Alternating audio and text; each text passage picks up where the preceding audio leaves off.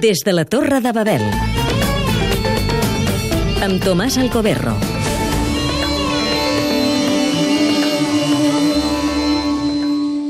Dos cardenals àrabs participen al cònclave de Roma. Són els patriarques Besharra Butro Rai, dels Maronites del Líban, i Antoine Naguib, patriarca dels coptes catòlics d'Egipte, una escissió d'aquella església ortodoxa copta mil·lenària. Van ser creats cardenals, com diuen els vaticanistes, en tant que caps de les seves comunitats orientals. El patriarca Rai ho va ser fa pocs mesos després de l'últim viatge de Benedicte XVI a Beirut. El Líban és el país àrab amb més influència cristiana, malgrat la seva decadència irremediable. I, va ser, i van ser els maronites els que van configurar l'estat dominat cada vegada més per les comunitats musulmanes.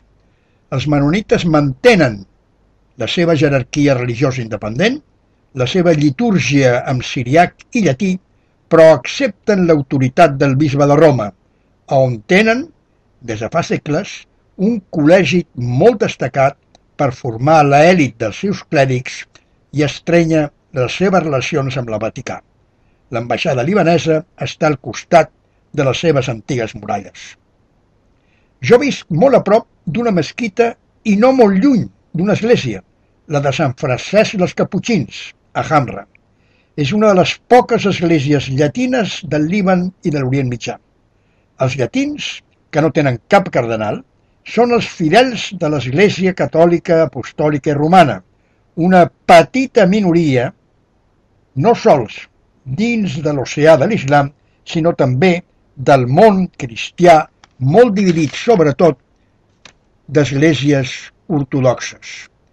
Cap dels dos cardenals àrabs té possibilitats de ser papable. A Roma es buscarà al cònclave un representant d'una església catòlica de pes.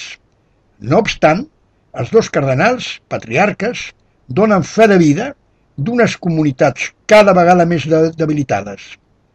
Ja fa temps que va començar la seva agonia a l'Orient. Des de la Torre de Babel.